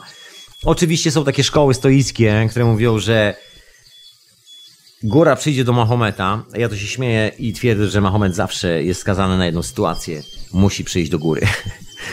Nigdy nie będzie inaczej. I to jest ten moment, żeby to zaakceptować, żeby sobie dać szansę i ruszyć w kierunku góry. Otóż to, taka jest moja koncepcja. Jeżeli bez, bez ruszenia się w kierunku góry nie ma żadnych odpowiedzi. A jeżeli nie ma próby, to nie ma odpowiedzi. Nie znaczy to, że pierwsza próba od razu przynosi odpowiedzi. Ale tak czy siak, jeżeli, jeżeli masz ochotę zrozumieć pełną perspektywę, troszeczkę wy, wychodzącą poza świat, że tak powiem, skórki fizycznej, tutaj obecnej, to normalne jest to, że trzeba się dwiema nogami fantomowymi, czy jak to nazwiesz, wybrać na, na wyprawę w drugą stronę. Tak się zdarza, że akurat mam sporo znajomych, użytkowników substancji o nazwie ayahuasca. Sam właśnie należy do użytkowników tej substancji. Jest to nieprzeciętna medycyna. Nie to, żebym zachwalał, chociaż ciężko nie zachwalać. ja myślę, że każdy użytkownik doskonale wie. Anyway, to jest też takie piękne doświadczenie, które pomaga ludziom e, zobaczyć samych siebie w takim rzeczywistym świetle. Mówię ludziom, ponieważ nie jest to jedyny przypadek, czyli ja i moi przyjaciele. Jest to przypadek opisywany w tak wielu filmach dokumentalnych, w tak wielu książkach, aktualnie już pracach naukowych itd., tak itd. Tak nie będę nawet przywołał tych wszystkich nazwisk, które pewnie wszyscy doskonale znamy. W każdym razie esencją, esencją, takim e, już odcedzoną do końca jest to wspólne doświadczenie jedności i, i zrozumienie, że nie jesteśmy tymi dodatkami, które sobie wymyślamy do życia, tymi materialnymi dodatkami, które często przez parę, parę lat potrafią zdeterminować nasze życie. I to jest takie ogólne doświadczenie, które jest przeżywane przez praktycznie znakomitą część użytkowników takowej medycyny. Jest to pierwsza rzecz, która właściwie, co dużo mówić, odpowiada za naszą kondycję e, medyczną, no, zdrowotną kondycję naszego organizmu. Stąd się biorą te niesamowite historie, że ludzie leczą się z raka po takich sesjach z naturalną medycyną, że ludzie wracają do siebie i w ogóle nie chcę to opowiadać, bo mógłbym tak godzinami. To w ogóle wątek na osobną historię. Uch, ja to może po prostu zostawię, bo to jest historia potężniejsza ode mnie, potężniejsza od jakiegokolwiek człowieka na tej planecie. To jest historia tego, co ma do zaoferowania ten świat dookoła nas w momencie, kiedy usuwamy tą granicę naszej perspektywy, naszego strachu przed poznaniem tego, kim w rzeczywistości jesteśmy, bo jeżeli jesteśmy tutaj i mamy sny, to oznacza, że jesteśmy w wielu miejscach naraz. Jeżeli chcemy zobaczyć, jak wygląda to drugie miejsce, a są ku temu, wiemy, doskonałe metody, które są używane od tysięcy lat, to na czym polega szaleństwo, które jest niczym innym jak zaprzeczeniem tego, że można z tej metody skorzystać. Skąd się bierze ten strach mówiący nam, że nie, nie, nie, nie, nie, że musimy to jakoś inaczej. Ja myślę, że to jest ciągle ta sama ideologia, ta, ten dogmat, że tutaj ciało, tam duch, ten nieustanny dualizm, który gdzieś tam ktoś próbuje zaczepić w nas i my często z chęcią podnosimy ten dualizm, no bo jest to historia związana z brakiem odpowiedzialności, konsekwencji, że wi wiadomo, cokolwiek zrobisz, umrzesz, wiesz, e, jakoś to będzie. taki numer jakoś to będzie i przez to jakoś to będzie, tak jest moja opinia, pozbawiamy się piękna, pozbawiamy się raju na ziemi, bo właściwie ciągle żyjemy w poczuciu winy, że robimy ciągle coś wbrew sobie. Jeżeli ci się wydaje, że robisz wszystko normalnie, że cały ten świat chodzi normalnie, to zastanówmy się wspólnie, ty i ja tu i teraz, ilu ludzi chce codziennie, przez pięć dni w tygodniu wstawać o dokładnie tej samej porze rano i iść do pracy. I teraz, czy to jest coś, co lubimy robić? Nie, nikt tego nie lubi robić na taką skalę. To jest może fajne na jakiś czas, sobie pochodzić, popracować z ludźmi, ale nie przez całe życie zapieprzać w kieracie. A jednak ustawiliśmy się, że to jest w granicy akceptacji tego, co nazywamy rzeczywistością. Akceptujemy ten numer, ustawiliśmy siebie ze sobą, tak ustawiamy sobie świat, okej, okay, i tak się dzieje. Ale czy tak powinno się dziać? No właśnie, każdy wie, że nie powinno się tak dziać, ale wiadomo, że granica naszej rzeczywistości, którą sobie wymyśliliśmy, mówi, że okej, okay, tak już jest. No i teraz, żeby, że tak powiem, usunąć sobie wszelkie niedogodne punkty w naszej przestrzeni, które nam mówią, hej stary, chyba zwariowałeś, musisz wymyślić coś innego, bo naprawdę zaraz walniesz kopytami w dębowy piórnik i zakopią cię dwa metry pod ziemią, bo twój organizm nie wytrzyma tego sposobu życia. Cywilizacja, którą tworzysz jest patologią. Naprawdę, człowieku, stoisz na krawędzi klifu w bardzo wieczny dzień i być może nie dotrwasz tam do końca tego pięknego dnia. Może nie będzie tego zachodu słońca, rozumiesz? Ale my tam stoimy i jeżeli widzimy jakąś sytuację, która mówi, nie, zejdź stamtąd, zejdź stamtąd, jest piękna łąka na dole, jest wszystko, mam dla ciebie piękny obiad na łące, piknik, wszystko. To ty mówisz, nie, nie, nie, nie mogę, tam nie ma tego obiadu. Nawet jeżeli go widzisz, to mówisz, nie, nie, nie ma, to Fata Morgana, jest tylko mój klif i mój dramat i ja zaraz spadnę i muszę teraz się zabezpieczyć. Jejku, wymyślę jakieś pieniądze, zacznę się z kimś wymieniać tutaj na krawędzi klifu tymi pieniędzmi, może to mi ulży, to mi na pewno ulży. Jest taki pościg za taką szaloną iluzją. I stąd się bierze takie rozdwojenie, myślę. To jest jedyny moment, gdzie w ogóle dualizm ma jak, jakikolwiek sens, ma jakąkolwiek siłę na przeżycie w otaczającym go świecie, bo właściwie nie ma nigdzie dualizmu w świecie. Jedyne, jedyne sprawy związane z dualizmem to są koncepcje człowieka, które zostały stworzone w ciągu ostatnich 100 lat. Głównie za pomocą e, dziedziny oficjalnie nazywanej nauką, głównie akademicką. No ale wiadomo, że tam to ciśnienie jest dosyć mocne, ponieważ e, jest to dosyć mocno limitowana rzeczywistość. Wiadomo, wszyscy biją się o bezpieczeństwo i lepszy kurs dolara, bo lepszy kurs dolara oznacza lepsze bezpieczeństwo naszych dzieci i lepsze szkoły dla naszych dzieci, żeby nie musiały w przypadku, jak się okaże, są tłukami, rezygnować z bycia z byciem elitą i nawet jak będą tłukami, to będzie tyle kasy, że i tak pójdą na najlepszy uniwersytet i wiadomo, dyplom robi swoje. Tam jakoś przeciągną. I to jest ta piękna, limitowana rzeczywistość. Właściwie jestem naukowcem, buduję coś, co ma zmienić świat, zbawić świat, spowodować, że na przykład będziemy zużywali mniej węgla, ale właściwie mam niezłą zabawę, korzystając z banknotów, które wymyśliła firma i spółdzielnia, która mi ten węgiel i ropę przywozi i właściwie swoje dziecko wysyłam do szkoły, która jest własnością fundacji, która należy do facetów, którzy sprzedają tą ropę. Ale wiesz, walczę o lepszy nowy świat. Walczę o bezpieczeństwo. Rozumiesz? Taka limitowana rzeczywistość, która polega na walce o bezpieczeństwo w swoim kolejnym basenie, luksusowym samochodzie dla żony, albo coś w tym stylu, albo pięknych wakacjach, nie wiadomo gdzie. No właśnie, ale kto tu jest bezpieczny? I co tu jest bezpieczne? Czy te rozwiązania technologiczne, które oferują nam ci ludzie, licząc na to, że nie dosięgną ich konsekwencje ich własnych działań, czy też, no właśnie, kto tu jest normalny? To jest dobre pytanie. Ja sobie lubię zadawać to pytanie, słuchaj, kto tu zwariował? Naprawdę, kto tu jest wariatem w tej całej sytuacji? No właśnie. To jest to akademickie sobie pole widzenia z krawędzi swojego własnego basenu, z drinkiem w ręku, ze swoją własną kliniką, programem badawczym, grantem za parę milionów, rozumiesz, intelektualnymi dyskusjami z przyjaciółmi naukowcami, wiesz, życie jakoś leci. Dzieci na uniwersytetach studiują, może pewnego dnia zrobią karierę, wiesz, jak to się, jakoś leci, jakoś leci. Nie to, że mi pretensje, absolutnie, jest to kawałek rzeczywistości.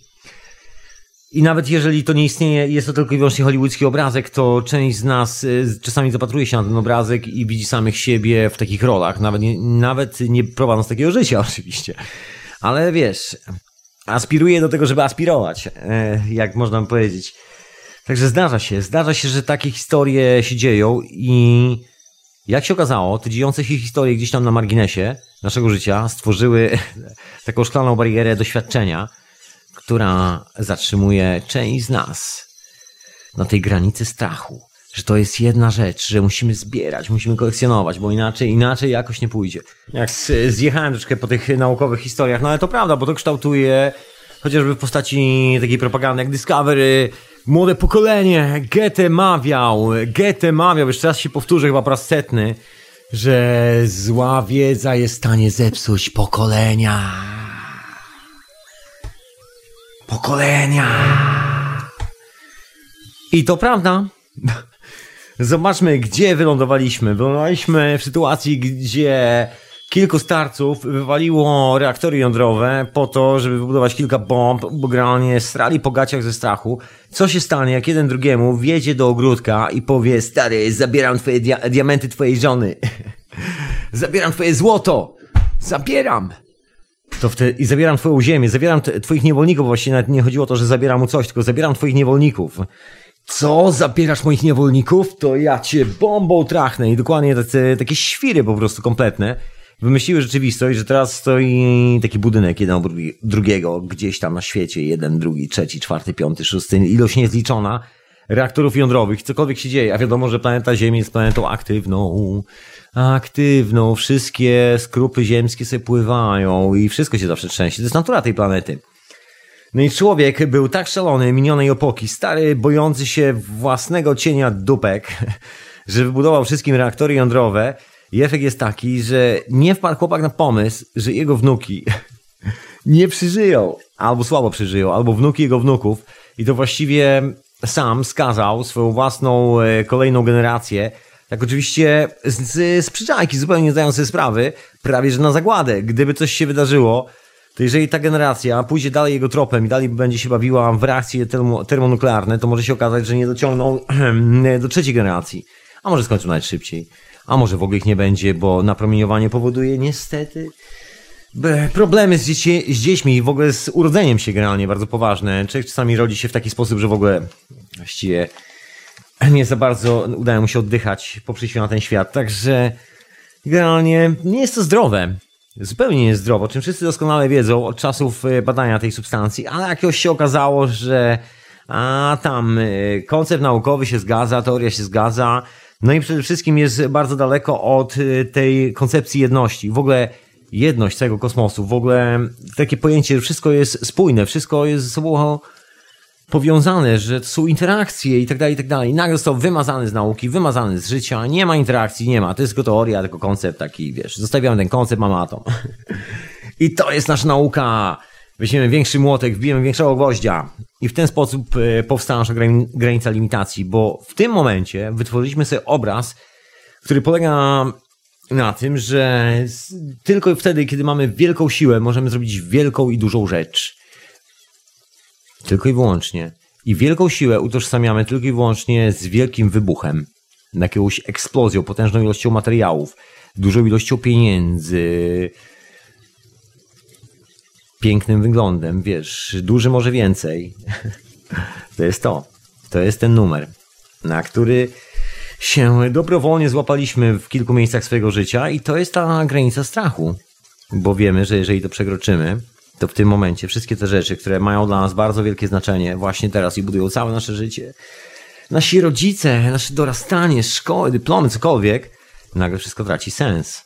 Zupełnie. I lądujemy w miejscu, gdzie właściwie cokolwiek by nie mówić, tak bardzo kolokwialnie zabrzmie, ale wszystko dookoła nas ma centralnie w dupie to, co robiliśmy do tej pory w swoim własnym życiu, a jedyne, co ma znaczenie, to to, jakimi ludźmi jesteśmy. I to jest taka trywialna, brutalna prawda, którą znają wszyscy użytkownicy substancji medycznych pochodzących z natury, że to jest to największe objawienie. Jest tylko jedna granica, którą się przekracza. Można ją nazywać, definiować naprawdę na wiele różnych sposobów. Można no, nazywać to granicą e, się momentem widzenia swojej własnej duszy. Bardzo mi się podoba ta nazwa i myślę, że coś tym jest i że nawet więcej niż coś, bo to jest moment, kiedy w rzeczywistości widzimy swoją własną duszę właśnie bez tych attachmentów. Widzimy, jak wiele poświęciliśmy tylko po to, żeby zadowolić swoje własne lęki, psychozy maniakalne i to kosztem żywych istot, które w rzeczywistości tworzą nasze życie. To one tworzą te wszystkie interakcje. Generalnie i to jest ten lęk. To jest ta granica strachu. A co jest z drugiej strony? Właśnie, bo z reguły wszyscy mówimy tak, tak, lęk, strach przed przejściem i zatrzymujemy się w tym momencie, że stwierdzamy to wszystko, co ja stwierdziłem do tego momentu i temat się wyczerpał. Ale z drugiej strony jest coś ciekawszego. I to jest dopiero początek tematu. Chociaż to już e, prawie koniec audycji, ale to jest początek tematu dla każdego z nas i w sam raz na koniec audycji, bo to jest coś, co każdy z nas powinien przeżyć w swojej własnej głowie, w swoim własnym życiu, a nie wysłuchując gadki jakiegoś koleżki, który opowiada coś do mikrofonu, czyli na przykład w tym momencie mojej gadki.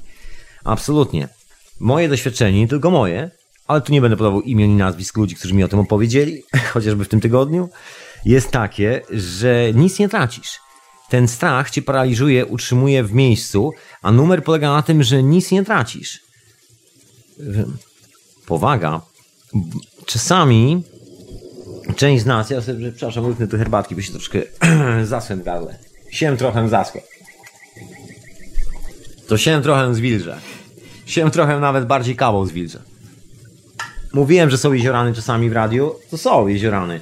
Audycja na żywo, sobotni wieczór człowieku, nie będę sobie odpuszczał. Daj spokój, jestem po całym tygodniu.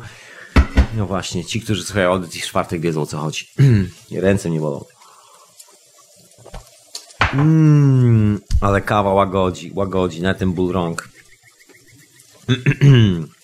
ale wróćmy, wróćmy do tego tematu, jakże Bartkiego i myślę najważniejszego podsumowania tych całych dzisiejszych opowieści. Chodzi mi o to, że nic nie tracisz, jeżeli prowadzisz fajne życie i naprawdę czujesz, że wszystko jest ok, bo to jest często taką barierą, że ale moje życie jest ok. Jeżeli twoje życie jest ok, to nie powinieneś się naprawdę niczego obawiać, bo jedyne czego się dowiesz, to to, jak robić się jeszcze bardziej ok. To jest ta granica strachu, którą przełamujesz, przechodząc przez każdą taką historię. I to nie jest istotne, czy to jest dachowanie w samochodzie, czy to jest twoja sesja z ayahuaską, czy to jest twoja sesja z psylocybiną, z LSD, czy to jest y, twoje odejście w szpitalu, jak ci ktoś źle coś podał i zobaczyłaś siebie, albo ty też się zobaczyłeś z góry. Kiedy lekarze siedzieli nad tobą i zastanawiali się, co zrobić z tak fajnie wyglądającymi zwłokami, to może się wydarzyć na milion sposobów. Zawsze jest związane z fizycznym wyskoczeniem i taką fizyczną e, percepcją, znaczy wyskoczeniem fizycznym siebie czy chcemy, czy nie, to jest ten cios, który musimy przyjąć na siebie. To jest właśnie ten moment widzenia swojej własnej duszy. Nie wiem, dlaczego tak jest, albo wiem. W tym momencie nie będę Ci tego opowiadał. Nawet tego, jeżeli wydaje mi się, że wiem coś na ten temat. Zostawiam to wszystko. Ale jest coś takiego w tej granicy strachu, że wymaga, wymaga po prostu zrobienia konkretnego kroku z naszej strony. Twojej i mojej. To nigdy nie jest coś, co się dzieje na poziomie tej rzeczywistości. To jest coś, co jest podpowiadane zawsze w postaci snów, w postaci stanów wizyjnych, etc., etc. Ale to jest tylko podpowiedź i zapowiedź wycieczki. Tak jest moja opinia na stan dzisiejszych rzeczy. Jest pewien moment, kiedy te opowieści troszeczkę mocniej przychodzą do naszego życia, ale to już, to już jak zwykle też bardziej zaawansowany temat i, i to już musiałbym na, wrzucić to na inną sobotę. Pewnego dnia to opowiem. Ale taka elementarna historia z tym doświadczeniem jest taka, że albo je łapiemy, albo w pewnym momencie przechodzimy, albo go nie łapiemy. I tam z tej drugiej strony nie ma nic do stracenia i to jest najlepszy numer tej całej opowieści. Że to jest ten strach, dogmatyczny strach, w którym jesteśmy wychowywani tylko po to, żeby można było nas kontrolować, ponieważ to jest moja opinia. Człowiek, który boi się swojej własnej śmierci, jest człowiekiem, którego bardzo łatwo można kontrolować za pomocą utrzymywania jakby, albo tworzenia warunków jego egzystencji, ponieważ wtedy cała energia, którą ma w głowie, koncentruje się na egzystencji takiej materialnej, na przetrwaniu od e, poniedziałku do piątku albo coś w tym stylu. I właściwie nie ma zbyt wiele miejsca na myślenie o troszeczkę innych wyprawach, na robienie innych wypraw. Wiadomo, że takie wyprawy wymagają trochę spokoju, odcięcia się od rzeczywistości. To jest moment, kiedy człowiek trochę inaczej funkcjonuje i dobrze, żeby y, zwyczajem greckich gnostyków i nie tylko wybrał się w takie miejsce jak w Delphi, takie spokojne miejsce, gdzie nikt nie będzie zwracał mu dubska, gdzie będzie mógł jeszcze parę dni po tym spokojnie się zastanowić nad swoim własnym życiem. Prawda jest taka, że jeżeli wszystko z tobą jest ok i czujesz, że naprawdę jest ok i robisz naprawdę fenomenalną robotę w swoim własnym życiu, tym co robisz, to naprawdę ostatnią rzeczą, której powinnaś i ty też się bać, to są, e, to, to jest naturalna medycyna, to są substancje, czy to jest LSD, czy to jest psylocybina, czy to jest ayahuasca, czy to jest meskalina, cokolwiek to jest, to nie ma w ogóle opcji na strach, absolutnie. Zobaczysz tylko i wyłącznie dodatkową informację, która jest bardzo cenna, bo każde z tych, każda z tych substancji, moim zdaniem, ma pewną indywidualną cechę, chociaż wszystkie prowadzą w jedno i to samo miejsce, to każda z nich ma dokładnie tą samą cechę. To jest ta cecha schowana głęboko pod spodem, że wszystko jest jednością i dzięki temu, że wszystko ma indywidualną cechę, daje bardzo szerokie spojrzenie, albo można powiedzieć, daje bardzo szeroki wachlarz spojrzeń na swoje własne życie, na to, kim się nie jest. Jeżeli rozumiesz tą elementarną sprawę, to znaczy, że jesteś na właściwej drodze i że nic ci nie zatrzyma przed twoją własną konfrontacją z obrazem twojej własnej duszy, z ostatnią granicą twojego strachu, z granicą postrzegania świata według jakichkolwiek schematów, czy to są schematy, które wyrosły razem z tobą, nie wiem, z dzieciństwa, czy ze szkoły, czy skądkolwiek, in, z jakiegokolwiek innego miejsca, to w tym momencie nie ma absolutnie żadnego znaczenia. I tak nigdy nie tracisz. I to jest najlepszy numer. I to jest coś, co warto sobie wbić do głowy, bo w przeciwieństwie do tego, o czym jest e, najczęściej nam opowiadane, jeżeli chodzi o tą naturalną medycynę, o troszkę inny sposób traktowania rzeczywistości, bo cokolwiek to jest. Ja tu opowiedziałem o kilku rzeczach, ale też nie chciałbym się tylko i wyłącznie na nich e, koncentrować. Każdy, myślę, ma swoją własną drogę. Chodzi o to przekroczenie tej granicy strachu. W taki naturalny, właśnie zdrowy, normalny sposób, że przekraczasz i wracasz, że wcale nigdzie nie zostajesz, nie umierasz, tylko symbolicznie. Tylko po to, żeby zobaczyć siebie z zupełnie perspektywy. Tylko i wyłącznie po to. Także jeżeli jesteś świadomą istotą, to ten strach ci już powinien dawno opuścić albo w tym momencie powinnaś, droga istoto, być na drodze do opuszczenia tego strachu po wiekuiste czasy. Ponieważ ten strach nie jest naszą naturą. My nie jesteśmy istotami, które żyją i wyłącznie tylko tu i teraz. Poruszamy się po wielu wymiarach. Wiele podpowiedzi dostajemy w snach. Myślę, że warto o tym pamiętać. To doskonałe podpowiedzi. Myślę, że, doskon- yy, ciężko, ciężko znaleźć naprawdę coś lepszego. Sam mam ciekawe sny. Absolutnie. Nawet mówiąc o snach potrafię się mocno zawiesić, tak jak przed chwilą. Otóż to. Dzisiaj się zawieszam troszkę na swoim śnie. Tak wspomnę, że śniło mi się, jak się tu działy rzeczy. Śnił mi się prawdopodobnie kawałek z przyszłości. Ta, tak a propos poprzedniej hiperprzestrzeni, troszeczkę o tym déjà vu, o tej przestrzeni, o czasie. Mam takie wrażenie, że za chwilę zobaczę to, co mi się śniło w śnie. Nie będę opowiadał detali, generalnie miałem tu wizytę pewnych gości, rozmawialiśmy o pewnych sprawach, w pewnych konkretnych nastrojach emocjonalnych i zapamiętałem to bardzo dobrze. I teraz zobaczymy, co się będzie działo. A jak się nie będzie działo, to i tak opowiem ten sen za jakiś czas. Tak czy siak, jest to piękna podpowiedź, tak samo jak dla mnie déjà vu. Niemniej to jest tylko podpowiedź. Całe funkcjonowanie, to jest moja oczywiście opinia, wcale nie zmuszał się do powielania tej opinii, jest taka, że przechodzi się obiema nogami, a nie jedną nogą i że nic nie tracisz i że nie ma się czego bać. Że ten strach to jest ta ostatnia rzecz, której nam potrzeba w życiu. Jeżeli przekroczysz pierwszą, e, to, pierwszą barierę, to już nie ma praktycznie żadnej bariery. I z tym przekraczaniem barier też jest jedna historia, jedno nawet nie wiem, czy historia, bo historii jest parę, ale taka moja własna refleksja, bo wielu z nas, e, przynajmniej zdarzyło mi się to słyszeć nie raz, nie dwa, szczęśliwie nie wszyscy, ale jest taka grupa, która uwielbia stopniować te wszystkie doświadczenia, opowiadać o tym, w którym momencie, gdzie, jak, do którego poziomu. Moim zdaniem nie ma żadnego poziomu, jest tylko poziom e, zdecydowanego przejścia na drugą stronę, zobaczenia się z innej perspektywy i spokojnego powrotu do siebie z dobrymi intencjami i posprzątaniem w swoim własnym życiu. To jest jedyna sprawa do zrobienia. I to jest ta piękna sprawa, jest cudowna. Nic się nie traci, wygrywa się swoje własne życie, cokolwiek to oznacza dla ciebie w tym momencie. I taki jest sens i taka jest robota, którą się wykonuje, wybierając się na takie wyprawy. Po to, żeby poszerzyć granice swojej własnej percepcji, nie tylko na poziomie technologicznym, czy tym, że istnieje coś więcej niż kolory, które znamy do tej pory, tylko na poziomie dostrzegania, że istnieje ktoś więcej niż tylko my sami, że istnieją jeszcze inne istoty i że sens naszego życia jest związany z tym, jak się czują te istoty dookoła nas. I to jest esencją naszej egzystencji na tej pięknej planecie. Esencjonalna historia. Niczym odcedzona, mocna herbata o doskonałym smaku. Tymczasem akurat sięgam po swoją kawkę i może odrobinka muzyczki, bo tak się zagadałem o tej esencjonalnej historii. No właśnie. Radio na fali hiperprzestrzeń, człowieku. No ja już powoli będę się tak zawijał z tymi refleksjami, chociaż nie do końca, jeszcze przez parę chwil razem z tobą, jak się okazuje. Ach, tak mi czas dziwnie dzisiaj przeskakuje w jedną i w drugą stronę. Ale wracając do swojego tematu, bo dzisiaj oczywiście o granicy strachu, granicy naszego postrzegania, która jest związana tylko i wyłącznie z moim zdaniem percepcją tego, gdzie jesteśmy i jak wiele od nas zależy, w, jak, w jakich procesach uczestniczymy, szczególnie takie procesy w naszym życiu, ile lat zajmuje przestawienie sposobu myślenia albo tego typu historie. Jak długo przede wszystkim zajmuje nam zrozumienie, że to, jak myślimy, determinuje nasze życie, bo właściwie do tego wszystko się sprowadza i tak dosyć konkretnie się sprowadza bo nic innego nam nie pozostaje. No i to jest chyba ta najtrudniejsza rzecz, e, którą trzeba przyjąć, kiedy, kiedy ruszysz na tą drogę, że tak powiem, kiedy zadasz sobie to pytanie, czy przypadkiem, czy warto się bać, czy... i kiedy stwierdzisz, że nie warto się bać, no to, to wiadomo, że w tym momencie wszelkie dogmaty muszą runąć ostatecznie. I jedyne na co można się przygotować to na to, że po prostu życie jest piękne. No i musisz zaakceptować, tak samo jak ja muszę zaakceptować to, czy chcę, czy nie. Dokładnie. To już jest właściwie na zasadzie muszę, bo inaczej inaczej to ta rzeczywistość się zwyczajnie nie pojawi. Ale nie jest to na zasadzie przymusu, że ktoś mnie do tego zmusza. To jest po prostu jedyna, właściwie opcjonalna reakcja na tego typu obserwacje i na tego typu rzeczywistość, która się dzieje, kiedy wiesz, masz takie podejście do sprawy.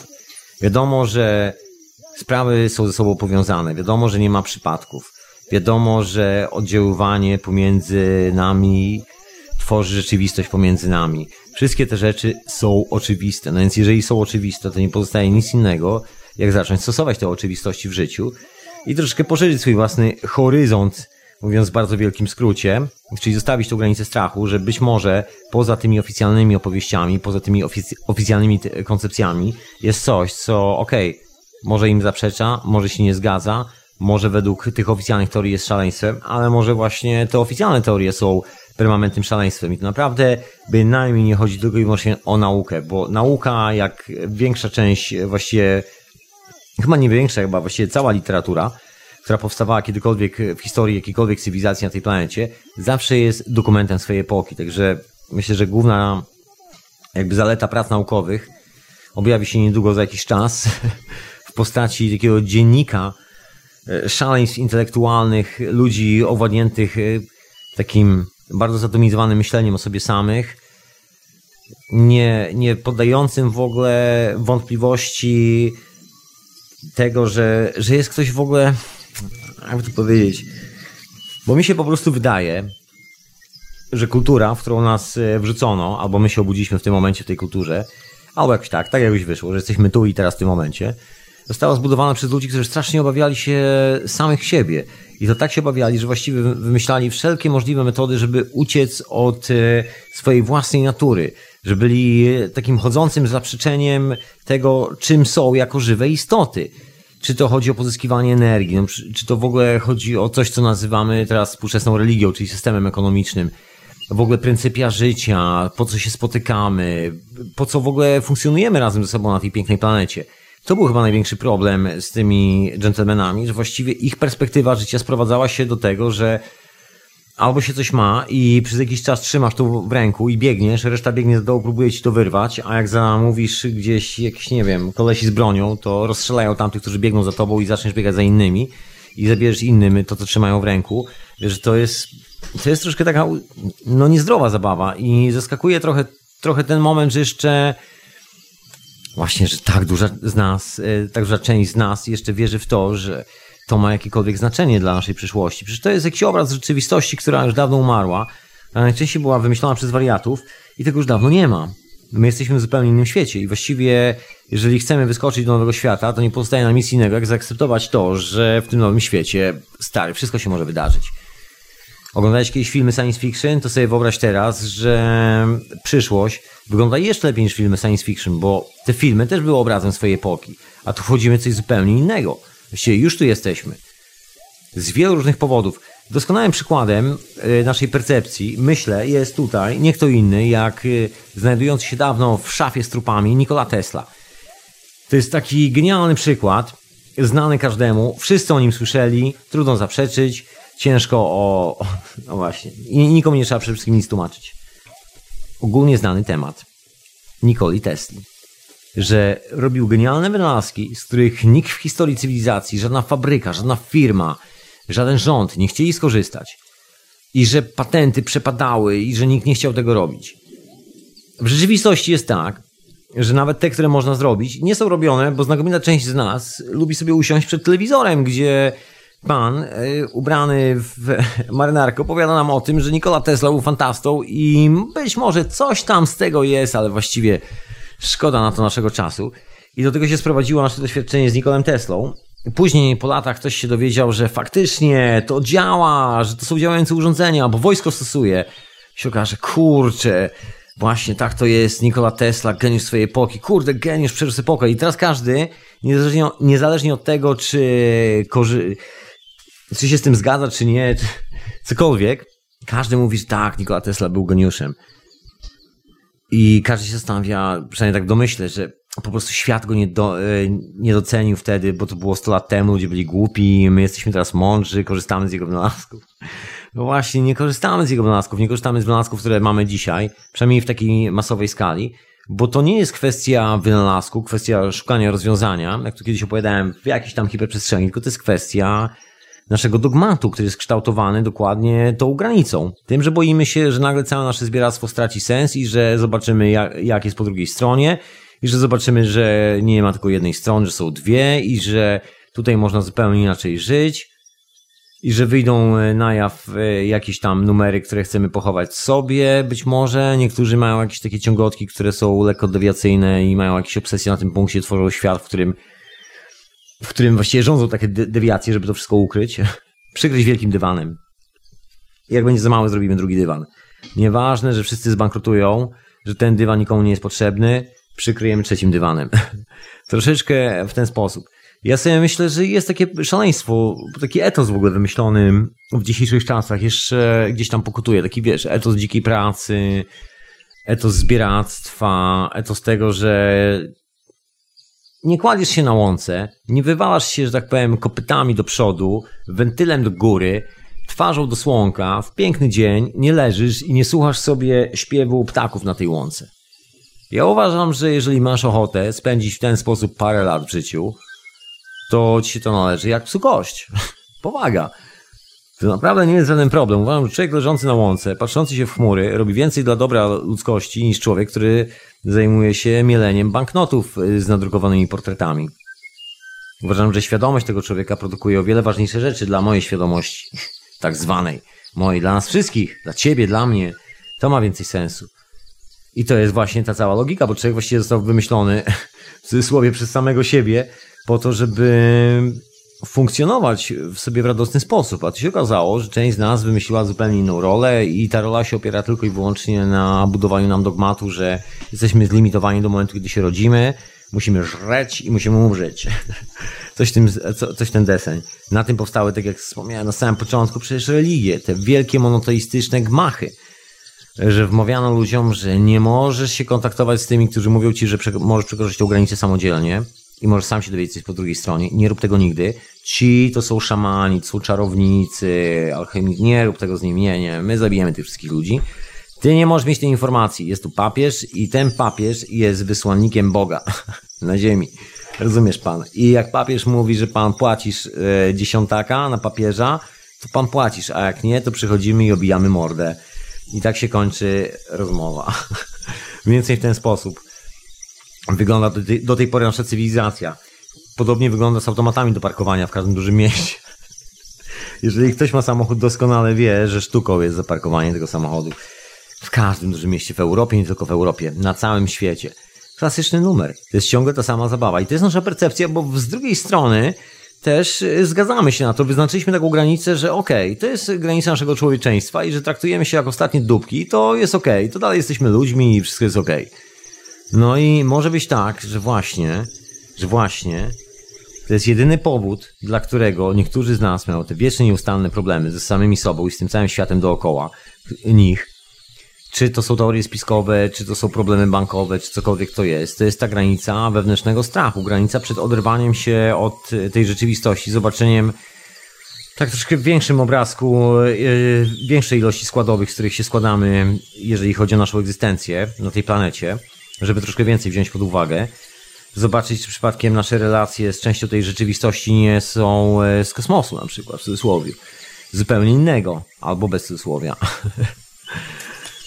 że nie wynikają stąd, że my tutaj przemielimy ilość papierków, wykonamy ilość tam telefonów albo zrobimy coś e, w tym stylu. Że wynikają z czegoś, co i tak jest niezbadane. A może i zbadane, może właśnie metoda do zbadania tego, co jak na razie nawet ci wyrywający się na dalekie podróże nazywają niezbadanym, może to jest zbadane, tylko wymaga oczywiście odpowiedniego, że tak powiem, zaawansowania w badaniach. Może na razie jeszcze świat nie jest gotowy, a może już jest gotowy, może właśnie to jest ten moment, że świat jest absolutnie gotowy. Skoro ja do Ciebie mówię o takich rzeczach, to myślę, że jest pewna gotowość świata w zrozumieniu tego, że składowe wyrastają troszkę poza ten obszar, który nazywamy od urodzenia do śmierci, oficjalnie. I wyrastają bardzo mocno poza ten obszar związany z tym, co nazywamy pracą, obowiązkami, cywilizacją, kulturą. Jest to bardzo mocno związane w sensie naszej egzystencji, naszego organizmu, nawet tego, jak jesteśmy zbudowani, z pewnymi kosmicznymi aspektami, które są spoza tej, można powiedzieć, przestrzeni fizycznej. Myślę, że tych połączeń jest bardzo dużo. I cały problem, jeżeli jakiekolwiek problemy są, wynikają na zwyczajnie nieakceptowaniu tych połączeń i robieniu czegoś wbrew tym połączeniom. Jeżeli wszystko jest ok, jeżeli kumasz co chodzi, to nigdy ci się krzywda nie stanie. Myślę, że to jest właśnie ten wytrych. Jedyny wytrych. To nawet nie jest wytrych, to jest ta właściwa droga, tylko ta percepcja ogólna, masowa nas przekonała, że nie, nie, to jest jakaś droga na skróty, to jest jakaś ucieczka, to jest jakieś nie wiadomo co. I mówią nam ludzie, którzy przez całe życie, o ucieczce, mówią nam i drodze na skróty, mówią nam ludzie, którzy chcą kupić sobie relacje z drugimi ludźmi za pomocą pieniędzy. To kto tutaj mówi o drodze na skróty? Ja czy gentleman, który próbuje sobie kupić przyjaźń za pieniądze? Oczywista sprawa, że gentleman, który próbuje sobie kupić e, przyjaźń za pieniądze. I tak samo jest w Twoim przypadku, tak samo jest w każdym innym przypadku. Myślę, że są pewne prawdy, które są kosmicznymi prawdami, w cudzysłowie mówiąc, i to się nigdy nie zmienia. To jest ta konsekwencja, że właściwie granica naszej percepcji zawsze jest widoczna w naszym zachowaniu. Cokolwiek byśmy nie, nie naściemniali, cokolwiek byśmy nie powiedzieli, cokolwiek byśmy nie zrobili, to i tak się zamanifestuje w tym, co wychodzi spod naszych rąk. Nie chce być inaczej, nie będzie inaczej. Możemy oczywiście zbudować piękną dekorację do tego wszystkiego, dekorację, która wytrzyma do końca naszych dni. Dużo ludzi wydaje na to potężną kasę, żeby do końca życia właśnie tkwić w takiej dekoracji, żeby nikt się nie domyślił, jak wyglądają sprawy za kurtyną. na backstage'u tak zwanym, za tą wielką sceną. Pytanie jest, w jaki sposób ty chcesz to robić? I to właściwie też jest pytanie tak bardziej do ciebie, bo to właściwie nie jest pytanie do mnie i niekoniecznie jestem tu adresatem twojej odpowiedzi. Ja mam tylko taką refleksję, że zanim człowiek sobie zada pytanie, co chce, to warto się wybrać na wyprawę po to, żeby się dowiedzieć, czego my właściwie nie chcemy.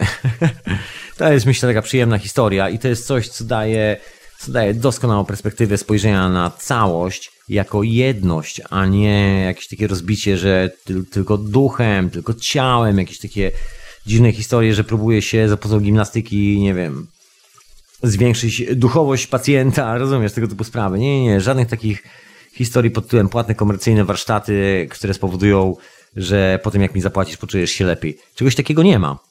Czujemy się lepiej, bo tworzymy kondycję w naszym życiu, która powoduje, że świat dookoła nas jest ok, że ludzie widzą swoją szansę w swoim własnym życiu, tylko wtedy, kiedy ty widzisz tą swoją własną szansę w swoim własnym życiu i ty wtedy spotykasz tych ludzi, bo jest dokładnie ten sam magnetyzm. Tak to nazwano 200, 100, 300 lat temu, magnetyzm. Później to słowo wyleciało kompletnie z nauki, wyleciało w ogóle z pojęcia, zostało tylko być może gdzieś w poezji, gdzie słowem magnetyzmu opisuje się relacje damsko-męskie. I bardzo dobrze tam przynajmniej jeszcze zostało, bo to jest dalej magnetyzm, dokładnie ten sam. W ogóle wszelkie relacje międzyludzkie, moja droga koleżanko i mój drogi kolego, są oparte na magnetyzmie. I jak się okazuje, nie tylko nasze międzyludzkie, bo i praktycznie cały świat. I to jest ta koncepcja, która została zakopana bardzo mocno pod ziemią przez tą część wynikającą z fundacji Rockefellera, przez, przez tych płatnych morderców sprzedających ropę i karabiny na pierwszą wojnę światową.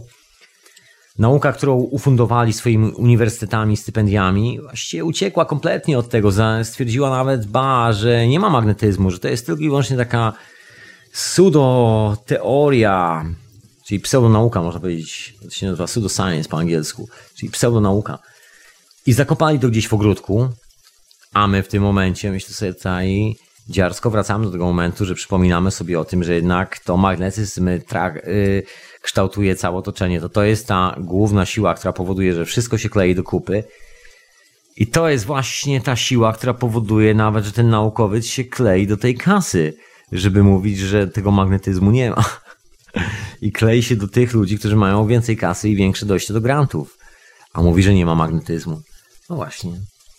Ciekawy pomysł na życie. No ale wiadomo, będziemy żyli w czasach ostatecznych, właściwie żyjemy w czasach ostatecznych, w czasach zaprzeczeń. Tak mawiali Indianie Hopi, a myślę, że z tym bardzo dużo racji.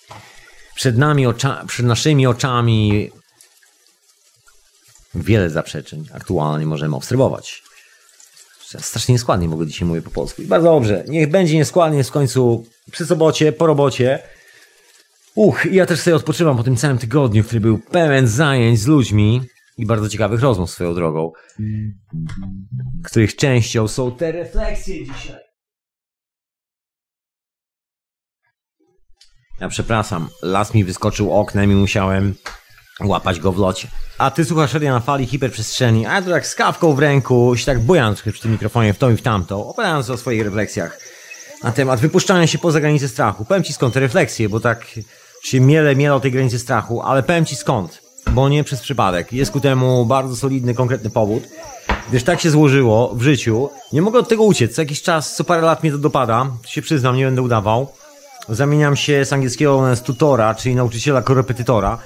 I co jakiś czas udzielam korepetycji. Czasami są to bardzo młodzi ludzie, czasami są to bardzo starzy ludzie. Tak się zdarza w życiu. Jakoś tak. Taka dodatkowa fucha w życiu wypada. Czasami dobrowolnie, czasami, czasami tak się wydarza. Anyway, i są pewne rzeczy, których, y, no, uczę, a tak gównianie brzmi troszeczkę, bo ja właśnie nikogo nie uczę. Są pewne informacje, które przekazuję, na przykład y, technologiczne i tak dalej, i tak dalej, i pokazuję ludziom, jak coś robić, i tak dalej, i tak dalej.